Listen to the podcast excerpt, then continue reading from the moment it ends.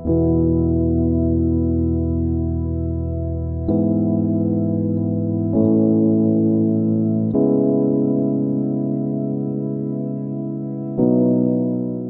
puji Tuhan. Kita bersyukur karena kebaikan Tuhan begitu nyata dalam kehidupan kita. Kita boleh melalui uh, bulan Februari dan saya percaya Bapak Ibu Saudara sekalian menikmati kebaikan-kebaikan Tuhan.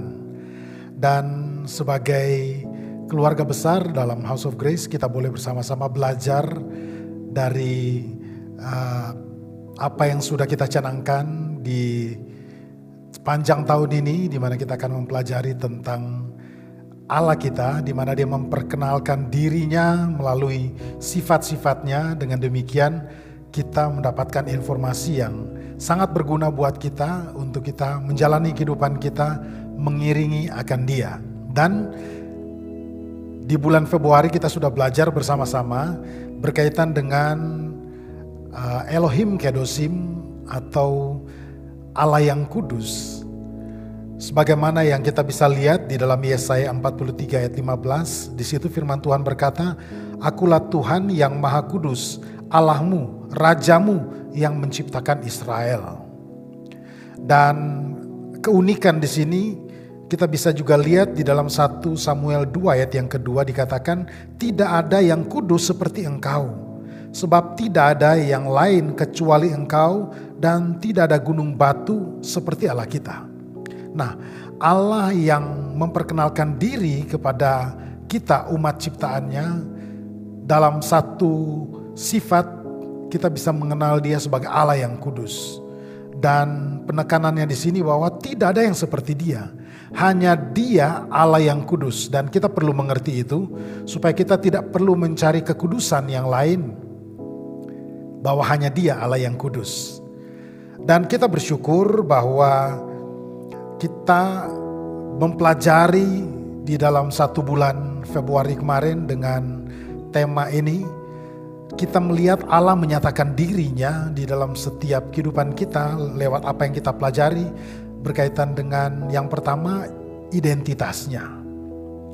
Kemudian kita lihat juga bahwa dia memperkenalkan diri melalui prinsip-prinsip yang dia ajarkan dalam setiap kehidupan kita. Kemudian dari uh, perkenalan namanya itu kita melihat ada kemuliaannya ada di sana yaitu kemuliaan Allah.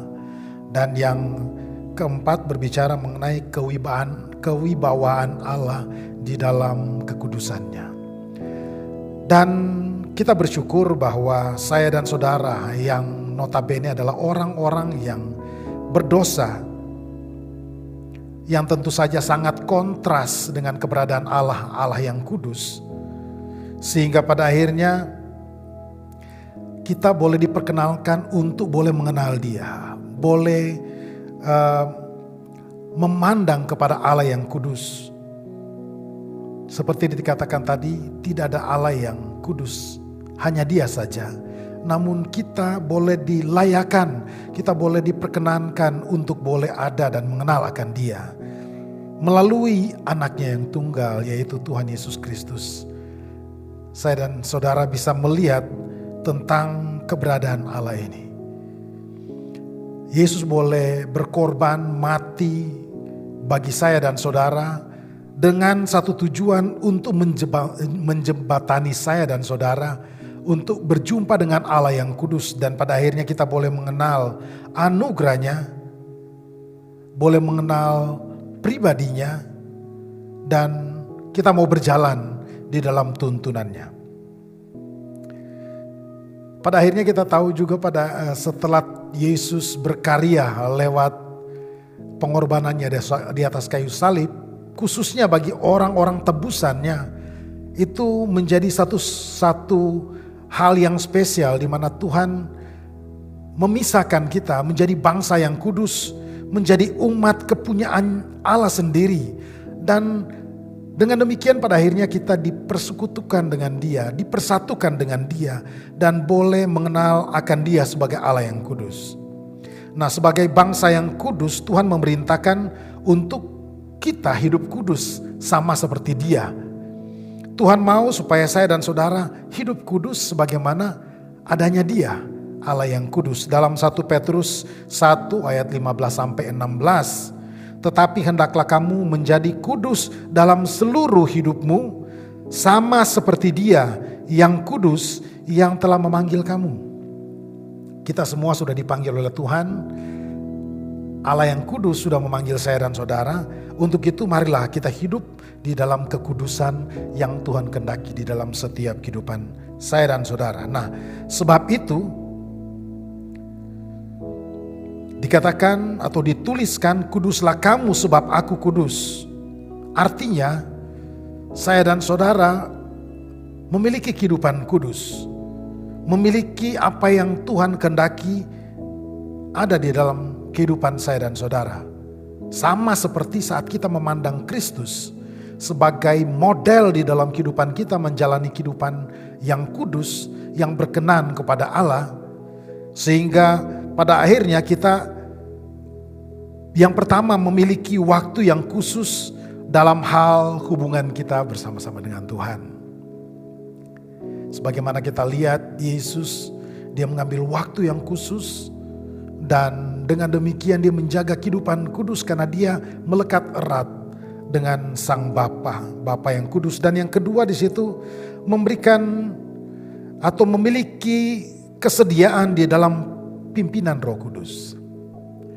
Sebagaimana kita tahu Tuhan Yesus dipimpin oleh Roh Kudus dan dia menjalani kehidupannya di dalam ketaatannya dan dengan demikian dia pun juga dipimpin untuk menjalani kehidupan kudus bagaimana yang sudah diajarkan kepada saya dan saudara. Demikian juga mari kita pelajari tentang hal ini. Izinkan kehidupan kita untuk dipimpin oleh Roh Kudus namanya juga Roh Kudus, dia tentu akan memimpin kita di dalam kekudusan yang sesuai dengan apa yang Tuhan kendaki di dalam setiap kehidupan kita. Yang ketiga, di sini uh, kita perlu mengisi kehidupan kita, mengisi hati kita, pikiran kita, tentu saja dengan firman Tuhan. Berulang kali dikatakan bahwa kita perlu untuk membaca firman Tuhan, merun, merenungkannya, karena itu adalah terang di dalam langkah-langkah kehidupan kita. Akan menjalani hidup ini, menjalani waktu-waktu yang ada. Mari kita buka hati terhadap firman Tuhan. Firman Tuhan akan memberikan berkat tersendiri dalam kehidupan kita. Untuk itu, jaga kehidupan kudus biar kita terus berkenan di hadapan Tuhan. Dan di dalam Yohanes 17 ayat 17 dikatakan, Kuduskanlah mereka dalam kebenaran. Firmanmu adalah kebenaran. Izinkan Tuhan terus memimpin keberadaan hidup saya dan saudara. Tanpa Tuhan, banyak sekali hambatan rintangan yang coba untuk menggagalkan perjalanan kehidupan kita. Tetapi syukur kepada Tuhan, Tuhan tidak tinggalkan saya dan saudara sebagai orang-orang yang yatim piatu, tetapi dia ada bersama-sama dengan saya dan saudara sehingga pada akhirnya kita dimampukan untuk menjalani kehidupan yang Tuhan izinkan di mana kita boleh menjalaninya. Saya percaya dengan pertolongan Tuhan kita dapat melaluinya. Ingat, Allah yang kudus ada bersama-sama dengan saya dan saudara. Untuk itu, kuduskanlah kehidupanmu untuk hormat kemuliaan bagi nama Tuhan. Tuhan Yesus memberkati.